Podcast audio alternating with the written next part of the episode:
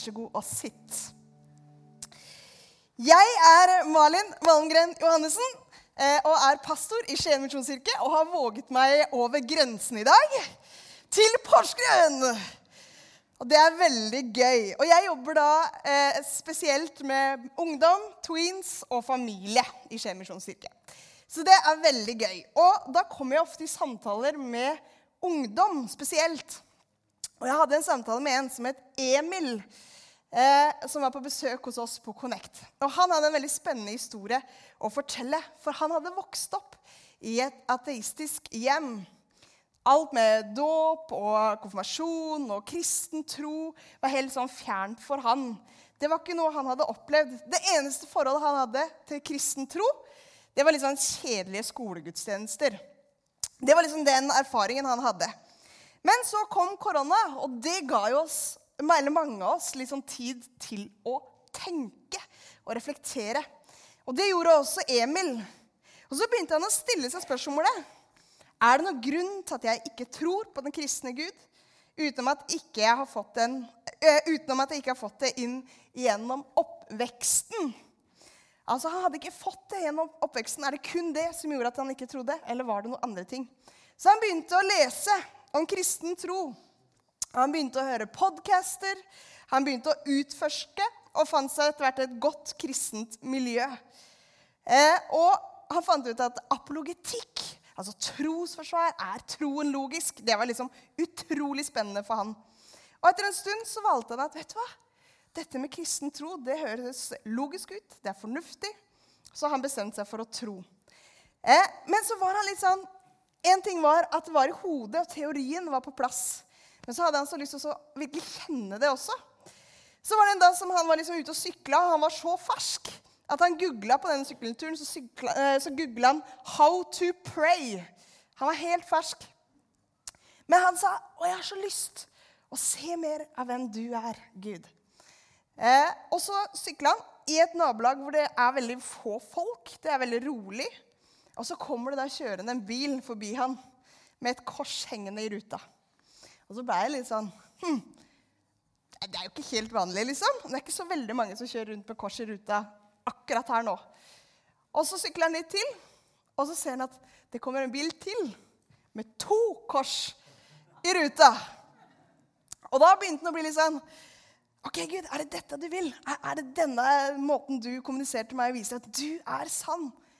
Og så litt etterpå så viser det seg at det kommer en bil med tre kors i ruta. Hva er sjansen for det? Og Emil bare brast i gråt. For han skjønte at Gud er sann. Det er ikke bare en teori, det er ikke bare fornuftig og logisk, men det er også noe levende. Noe som er en relasjon. Og Hvis du har lyst til å lese hans historie, så kan du gå inn på itro.no og søke opp Emil. Da kommer hele hans historie. En fantastisk fin fyr som i dag reiser rundt og taler. Han leder lovsang eh, og har fått forandra livet sitt helt. Og han brenner virkelig for å tale om dette med tro og tvil, at det henger sammen. Og det er fascinerende hvordan Gud gjennom hele historien har møtt folk som ikke venta å bli møtt. Sånn som Emil, som var en ateist som egentlig ikke trodde på Gud, ble møtt av Gud. Og Moses, for eksempel, som hadde dratt ut i ørkenen. Han hadde drept et menneske. Hadde det sikkert kjempefælt. Og der en tornebusk så møter Gud Moses. Sikkert helt uventa. Eller Peter, som var en gift mann. Han var ganske etablert, han hadde jobb, han var fisker. Og hadde det, liksom den der etableringsfasen ganske godt eh, grunnlagt. Og så møter Jesus han i båten der han er og fisker. Og så bare snur dette vanlige litt av fire-livet. Han hadde sikkert hatt Volvo i dag hvis han levde i dag. Eh, men ikke sant? fra Volvo til båt så møter Jesus han der. Og så bare gir han et sånn ekstraordinært liv til noen som ikke venta det. Og jeg har også sett hyrdene på marken. Det var jo sånn Før at man hadde ikke sosiale medier og sånn. Eh, jeg kan tenke meg Når du da liksom satt på marken Det var kaldt, du var kanskje litt sånn kjedelig, du hadde ikke noen sosiale medier, du kunne ikke sveipe der, liksom. Og jeg kan tenke meg liksom, åh, De var kanskje litt sånn demotivert. Og så plutselig liksom, så er hele himmelen full av engler som synger om at det er født en frelser til noen hyrder som sitter på marken. En mørk natt. De venta ikke det i det hele tatt. Så møter Gud de så inderlig der. Eller en kvinne ved brønnen, en kvinne som skulle gå og hente vann ved brønnen. Og hun gikk på et helt annet tidspunkt enn de andre. Og det kan være fordi at hun var skamfull. Fordi hun hadde vært med mange menn, og hun hadde en vanskelig historie. Og kanskje ville hun da unngå blikkene til de andre rundt. Så hun gikk på et annet tidspunkt enn det som var vanlig, da det var varmt. Midt på dagen hvor det er varmt. Eh, så gikk hun og henta vann. Og hvem møtte hun der? Jo, det var Jesus som møtte henne ved brønnen. Og jeg ser for meg at hun kom der med hodet litt sånn ned. Men når hun gikk, så gikk hun oppreist. Eh, og det står at den dagen, for hun, etter det møtet med Jesus som forandra henne helt, så sprang hun ned til byen og fortalte alle om Jesus. Og den dagen så blei det mange som kom til tro på Jesus pga. denne dama som fortalte om det hun hadde opplevd. Helt uventa en dag som hun bare skulle gå hen til vann, fikk hun livet snudd totalt på hodet. Og så er det jo Paulus, som før het Saulus. Og han var skikkelig klok. Han var en lærd mann, god utdannelse, og så var han en skikkelig ivrig forfølger av kristne. Han var bl.a. med å steine Stefanus, den første kristne matyren. Det var det Saulus som sto for. Eh, og han fengsla kristne og forfulgte dem og ville ha dem ut av veien. Og så er han da på et oppdrag hvor han skal ta flest mulig kristne av veien. og så på vei så, bare, boom, så møter Gud han. Og så må han bare gi livet sitt til Jesus. Og så blir det bare snudd 180 grader rundt. Så han blir fra en som forfølger kristne, til en som følger Jesus. Og en ivrig etterfølger av Jesus. Og jeg tenker da at disse historiene, og mange flere Emil, Moses, Peter, kvinnen ved brønnen, Paulus Det viser at Gud er sann. Det er bevis på at det, finnes noe mer. Og at han møter oss, og han møter folk som ikke venter det. Og vi skal fortsette å holde oss litt til Paulus. For det er en, eh, en historie i Bibelen som jeg bare syns er utrolig kul. Eh, og som jeg har blitt veldig fascinert av det siste året. Og Det handler om Paulus og Silas. Og De er ute på misjonsreise. De er i Makedonia. Og så skal vi egentlig bare hoppe rett inn i Apostlenes gjerninger 16. Og så begynner vi på 16, hvis du har lyst til å se det opp. Det kommer også på skjerm. Da leser vi. En gang vi var på vei til bønnestedet, møtte vi en slavekvinne som hadde en spådomsånd i seg. De som eide henne, tjente gode penger på spådomskunsten hennes. Hun fulgte etter Paulus og oss mens hun ropte og skrek. Disse folkene er tjenere for Gud, den høyeste og de forkynner dere veien til frelse. Dette gjentok seg flere dager. Da ble Paulus sint, snudde seg og sa til ånden.: Jeg befaler deg Jesu Kristi navn, far ut av henne. Og den forlot henne på timen. Da herrene hennes forsto at det ikke var mer å fortjeneste å håpe på, grep de Paulus og Silas og trakk dem med seg til myndighetene på torget. De førte dem fram for byens romerske dommere og sa.: Disse mennene lager bråk i byen vår. De er jøder, og de forsyner skikker vi ikke har lov til å godta eller følge, vi som er romerske borgere. Folkemengden deltok også i angrepene på dem, og dommerne fikk klærne revet av dem og befalte at de skulle piskes. De fikk mange slag og ble satt i fengsel, og fangevokteren fikk ordre om å vokte dem godt. Da han hadde fått denne ordren, kastet han dem innerst i fangehullet og låste føttene deres fast i blokken. Ved midnattstider holdt Paulus og Silas bønn og sang låsanger til Gud, og fangene lyttet til dem. Plutselig kom det kraftig jordskjelv, så grunnmuren i fengselet ristet. Straks sprang alle dørene opp, og lenkene løsnet av alle fangene. Fangevokteren for opp av søvnen, søvnen og så at fengselsdørene sto åpne.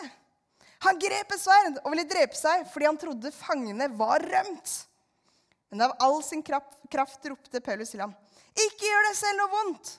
Vi er her alle sammen.' Fangevokteren ba om å få lys, løp inn og falt skjelvende ned for Paulus og Silas. Så førte han dem utenfor og sa, 'Hva skal jeg gjøre, gode herrer, for å bli frelst?' De svarte, 'Tro på Herren Jesus, så skal du og alle i ditt hus bli frelst.' Og de forkynte Herrens ord for ham og alle i hans hus. I den sene nattetimen tok han dem med seg, vasket sårene deres, og han ble straks døpt med alle sine. Så tok han dem hjem og ga dem mat, og han gledet seg sammen med hele sitt hus over å ha fått troen på Gud. Her er en historie som er fullspekka av masse goodies, og vi skal inn på en del av det i dag. Og jeg håper at det kan være til oppmuntring for dere i dag. Eh, og det første er bønn og lovsang. For Paulus og Silas er kasta i fengsel. De skal ut på misjonsreise. Det høres kanskje litt sånn idyllisk ut. Og så blir de bare kasta i et fengsel. Det er vått, det er fuktig, det er kaldt, kanskje lukter det mugg. De er bundet, de er torturert, de er fulle av dype sår, er sikkert sulte. Og De sitter med bena fast i en stokk. Og Døden rett og slett puster dem i nakken og har det etter forholdene helt forferdelig. Og Det er bokstavelig talt helt mørkt. Og de kunne virkelig ha klaget og gitt opp. Det tenker jeg det hadde de egentlig all rett til. Men midt i krisen og midt i alt det som er håpløst, så fylles dette kalde, våte og mørke fengselet med bønn og lovsang. Og tenk på forholdene! Det er ingen varm og god sal. Det er ingen lovsangsband eller team. Det er ingen prosjektor eller salmebok, ikke engang en overhead. Det er ikke scenelys, ingen kule effekter. Ingen møteprodusent eller noen som har kristenskjorta på seg. De er skada. De er bindt fast. Det er mørkt, det er kaldt, og et fengsel fullt av fanger. Mest sannsynlig en del farlige fanger. Jeg vet helt ærlig ikke om det er det første jeg hadde tenkt i denne situasjonen. Når jeg hadde blitt kasta i fengsel, at liksom, bønn og lovsang. Men det inspirerer meg, den handlingen som de gjør her. Til å stille meg spørsmål, og kanskje også du kan stille ditt spørsmål. Hva gjør jeg i kriser? Hva gjør jeg når livet blir snudd opp ned? For det vil skje. De fleste av oss har enten opplevd, står kanskje midt i, eller kommer til å oppleve en eller annen slags krise, et eller annet slag. Hvordan er vårt fokus? Hvor er vårt blikk? Og Min svigermor hun fikk kreft for ca. to år siden. Eh, hvor hun fikk beskjed om at hun bare hadde noen uker igjen å leve. Kjempesjokk for alle sammen. Eh, men hun, i den perioden så ble hun skikkelig troshelt for meg.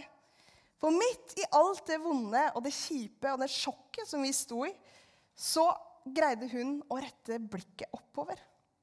For på hennes sykehusrom så var det fylt av bønn og lovsang. Og Det var en sykepleier der som var kristen. Og En kveld så satt hun og svigermor og svigerfar sammen og sang lovsanger. Og Svigerfar sier at det var akkurat som det dirra i vinduene, for det var så sterk åndsnærvær. Og etter den episoden så forteller sykepleierne at når de kom inn i det rommet, så begynte de bare å gråte. For det var et eller annet som var så kraftig i det rommet. Og svigermor, som lå der på sitt aller siste og liksom bare løfta sine svake hender opp til Gud, og lovsang og ba, midt i alt som var sjokk, kaos og vondt, så lovsang hun. Det blei virkelig en ny troshelt for meg. Hvor har du blikket? For vonde ting kommer til å skje. Sånn er dessverre livet. Men hvor har vi fokuset? Og jeg tror også det gjør noe med oss. Jeg tror på en Gud som alltid er til stede, og alltid står med åpne armer og ønsker å være med oss. Og så er det opp til oss hvor mye vi slipper han til. Hvor mye av det rundt tar fokuset, og hvor mye fokuserer vi på han. Hvor viktig og naturlig er bønn i din hverdag? Når du opplever kjipe ting i livet, hvordan reagerer du da? Den er litt, den er litt vond egentlig å spørre seg der, for jeg tror for mange av oss, inkludert meg, så tror jeg at jeg sjelden hadde gjort som Paulus og Silas. Litt sånn første reaksjon bønn og lovsang.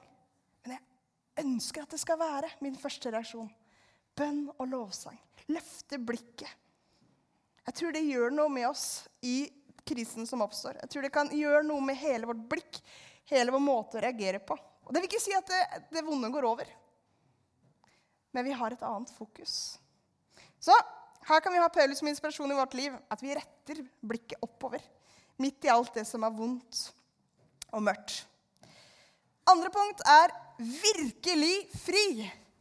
Jeg husker at det var en slik sånn frihetsfølelse den siste dagen på skolen før sommeren. Husker du det? Åh, når skoleklokken ringte, og man bare løp ut og hadde hele sommeren for seg, og det skulle være is, og vi skulle døgne, vi skulle sove på trampolina, og det skulle være fest og basar hele tida! Vi skulle på skjærgårds, og det var så mye gøy!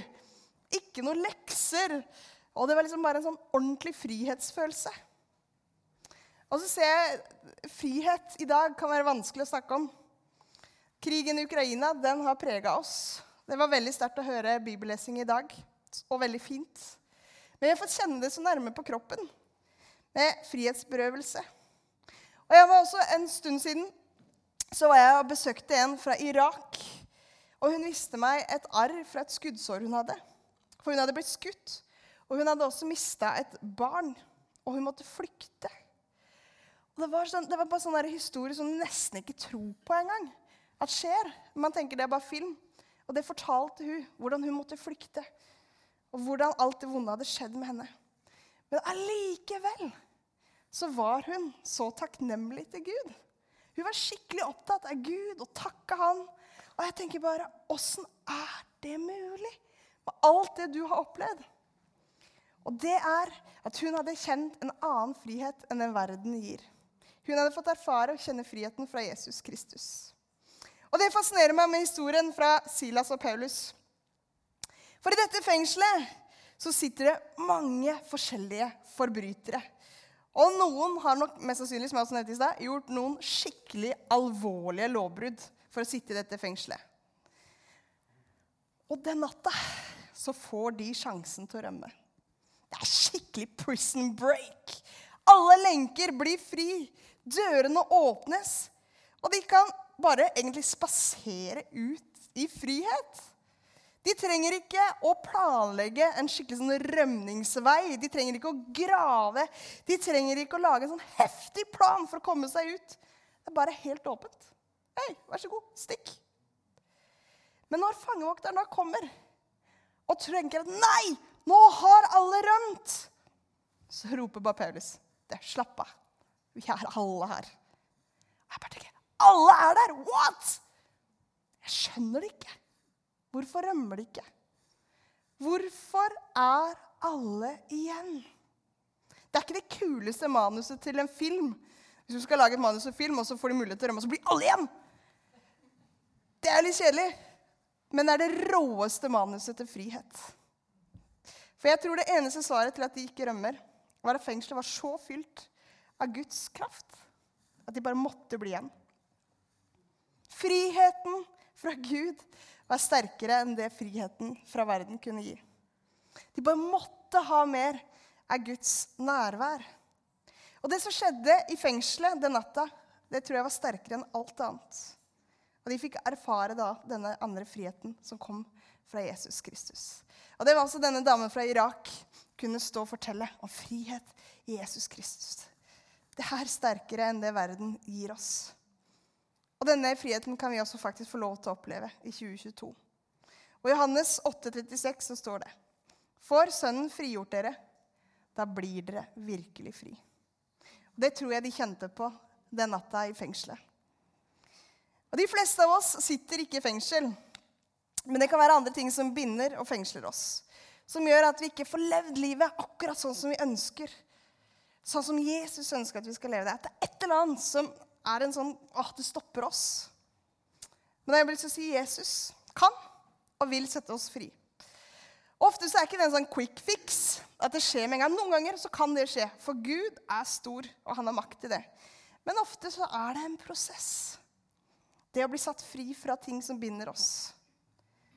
Men det er en prosess som Gud går med oss i.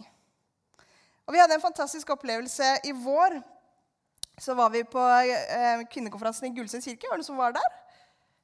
Ja, ja, det er bra. For da hadde vi på lørdag kveld så snakka vi også om frihet. Eh, og da hadde vi et eksperiment hvor vi ga ballonger til alle damene som var der. Og så var det sånn at de da fikk blåse inn i denne ballongen. Og det de skulle blåse inn i ballongen, var ting som bandt dem. Eh, og de skulle jo ikke si det høyt, men de skulle tenke på ting som var fengsla de, som bandt dem, som gjorde at de liksom ikke klarte å leve det de egentlig ønska. Det kan være skam, det kan være vonde relasjoner, det kan være sykdom, bekymring for økonomi, et eller annet man har gjort som man angrer på, noe som gnager, skyld. Alt dette skulle de da blåse inn i denne ballongen. Og så gjorde vi det sånn at de knøt den. Og så akkurat på likt så tok alle og så skjøt den ballongen opp i været. Og det var helt nydelig å stå på podiet og se bare salen full av ballonger som ble gitt over til Gud. Ting som bandt, ting som fengsla, som bare ble løfta over til Gud. Det var et vanvittig fint bilde. Og så var det noe som ikke jeg hadde forventa når vi planla dette var det at folk ble, ble satt fri. Så det, Noen begynte å danse, det ble jubel. Det var nesten som å være på fotballkamp. Det var sånn yeah! Skikkelig jubel over å kjenne på friheten. Det er en annerledes frihet i Gud. En helt annen frihet enn den verden gir. Så hva med deg? Hva fyller din ballong? Hva trenger du å blåse ut i ballongen og legge over på Gud? Har du noe som binder deg? Noe som trenger å leges? Guds kraft har makt til å sette deg i frihet og gi det til Han som er større enn alt. Det fikk fangene kjenne på den natta i fengselet. Og det kan vi også få lov til å kjenne på i vårt liv. Neste punkt er Gud stopper ikke å virke. Det er en sang som har betydd mye for oss i SMK, eller Skien misjonskirke, den siste tiden. Og Den heter 'Waymaker', og den skal Tony synge med oss, for og med oss etterpå. Men noen av teksten går sånn Even when I don't see it, you're working. Even when I don't feel it, you're working. Det er ikke sånn, jeg må innrømme det, selv om jeg jobber som pastor og elsker Jesus og menigheten min og alt, så er det ikke sånn at jeg hver morgen bare våkner opp og Halleluja! Elsker deg, Jesus! Jeg skulle veldig ønske at jeg var der, men det er jeg ikke. Det er ikke hver dag at jeg kjenner på den derre gleden av å være kristen. Eh, og ofte Jeg sier jeg er født prematurt, og da er jeg født også utålmodig. Så jeg er veldig utålmodig. Og jeg vet ikke om du har lagt merke til det, men Noen ganger så kan Gud være veldig langsom. Og Gud kan være veldig tålmodig. Og det kan noen ganger være litt eh, utfordrende for min del. For jeg vil gjerne helst at ting skjedde i går. Og noen ganger så kan da, ikke sant, dette med tro det kan kjennes som en sånn ørkenvandring. Gud er ikke borte. Han jobber likevel. Han stopper ikke. Han jobbet den kvelden i fengselet hvor det var bare denne kraften fra Gud som gjorde at fanger blei igjen og fikk mot av hans frihet. Han jobbet med Emil som ateist, og nå reiser rundt og forteller om Jesus. Han jobber med deg og meg. Og ja, jeg tror noen ganger så kan troa kjennes tørr. Den kan kjennes vanskelig.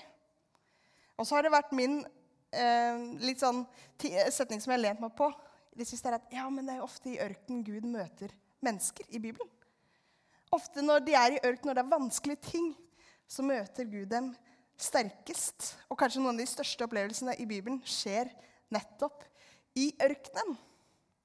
Og jeg har nok vært noen ganger til tider vært veldig sånn kjapp til å stille meg spørsmålet når det kjennes litt sånn ørken og vanskelig. Så jeg har vært kjapp liksom Å, Gud, hvor er du?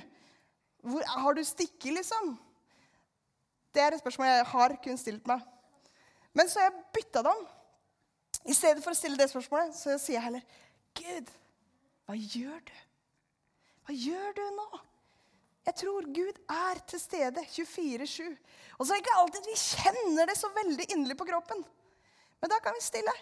Gud, hva gjør du? Og det kan bli din bønn. Hva gjør du i mitt liv akkurat nå? For det tror jeg han gjør. Han jobber med oss hele tida. Og det kan også kanskje bli Porsgrunn misjonskirke sin bønn. Gud, hva gjør du i vår kirke akkurat nå? Hva gjør du på Vestsida? Hva gjør du i Porsgrunn by? For Gud stopper ikke å virke. Even when I don't see it, you're working. Det er to streker under det. Even when I don't feel it, you're working. Selv om det føles tørt, selv om det kan føles vanskelig, selv om du ikke alltid føler den der overgivelsesgleden, vit at Gud jobber med deg. Han gjør det. Det er helt sant. Det siste punktet som jeg syns er helt amazing, er fra fengsel til hjem. Historien fra fengselet viser virkelig hvordan Gud møter mennesker som ikke venter det. For denne fangevokteren han hadde mest sannsynlig ingen forventning om å møte Gud den natta. Og Han var innstilt på at han skulle vokte disse fangene. Og det skulle han gjøre grundig. Og han setter inn støtet ekstra, for han skjønner at dette er en veldig viktig jobb. Og han får jo faktisk beskjed i bibelteksten om å vokte dem godt. Så han sørger for at Paulus og Silas blir kasta lengst inne i fangehullet. Bare sånn for å sikre. Og binder dem da fast, eller lenker dem fast. Og han tenker litt, nå må jeg ikke svikte. Han skjønner at dette er et viktig oppdrag. Og det kan ikke bli katastrofe nå. Og så våkner han. Han har sovna. Det er kjipt å sovne på jobb. Og så får han tidenes overraskelse. Og et kaldt gufs går nedover ryggen hans når han ser at Å, dørene er åpne. Kanskje kommer det noen greske gloser. Og han orker ikke tanken på hva han må gjennomgå nå. Kanskje er det pining, tortur, dødsdom. Så Derfor så tenker han jeg trekker heller sverdet. Og han er på vei til å ta sitt eget liv. Men Paulus roper, Hei, stopp! Vi er her alle sammen. Og så ender det opp med at han og hele hans hus tar imot Jesus. For en natt!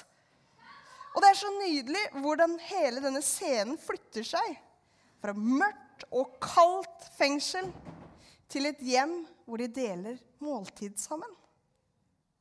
Hvor fangevokteren vasker sårene til Paulus og Silas, og hvor han og hans familie døpes.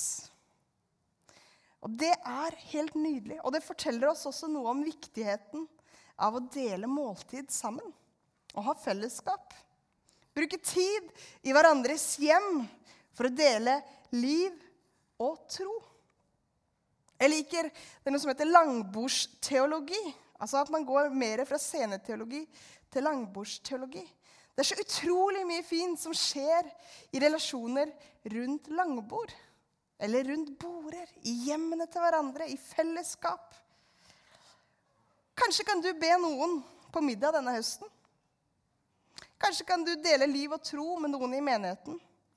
Kanskje det er noen naboer som du ikke pleier å ha på besøk. For det skjer så mye magi rundt middagsbordet. Og Det kan være en helt enkel, hverdagslig, vanlig samtale. Men det kan også bli til en samtale om tro. Men la dørene åpnes. La dele liv og tro rundt bordene i hjemmene. Tenk så kult! Og det er så kult hvordan det flytta scenen herfra. Fra fengsel, fra Binni, fra det, liksom, fengslinga, til et hjem hvor det er mer åpent. Dette er en historie som virkelig inspirerer og utfordrer oss. Den utfordrer oss å sette bønn og lovsang først. Det er kjempeutfordrende. Eh, den utfordrer oss sette, til å ta imot Jesu frihet. Den friheten som var så sterk at disse fangene ikke rømte. Den friheten som satte disse fri. Jesu frihet. Stole på at Gud jobber i våre liv. Selv om det føles litt tørt, litt avstand kanskje noen ganger, så er Gud der. Han jobber. Han jobber i din kirke, han jobber i ditt hjem, han jobber i ditt liv. Og det siste er inspirasjon til oss til å samles rundt border Samles i hjemmene. Samles her også, eventuelt andre steder, og la bygge fellesskap. For det er noe som skjer når vi deler liv og tro. La oss be. Takk for denne historien om Silas og Paulus. Takk for din frihet, så vi kan bare få lov til å ta imot. Takk for din kraft som er sterkere enn det verden har å gi. Jeg ber om at vi skal trekkes mot deg, at vårt fokus skal være mot deg. Så ser du at livet kan være vanskelig. Det er mange ting vi står i. Det er bekymringer, og det er krig, og det er mye dritt. Men allikevel kan vi rette fokuset mot deg. Hjelp oss til å ha bønn og lovsang i våre liv. Hjelp oss til å bygge fellesskap i menighetene og med hverandre. Jeg ber om at du skal velsigne det, det du har her nå, Jesus. Og når vi skal synge noe Waymaker, så ber jeg om at du skal berøre oss. Jeg ber om at du skal komme og lege sår. Du skal komme med fred til de som trenger fred. De som er bekymra og kjenner at det, det er mye i verden som gjør at man kjenner at eh, verden er vanskelig. Kom med din ro. Kom med din kraft. Kom med din styrke.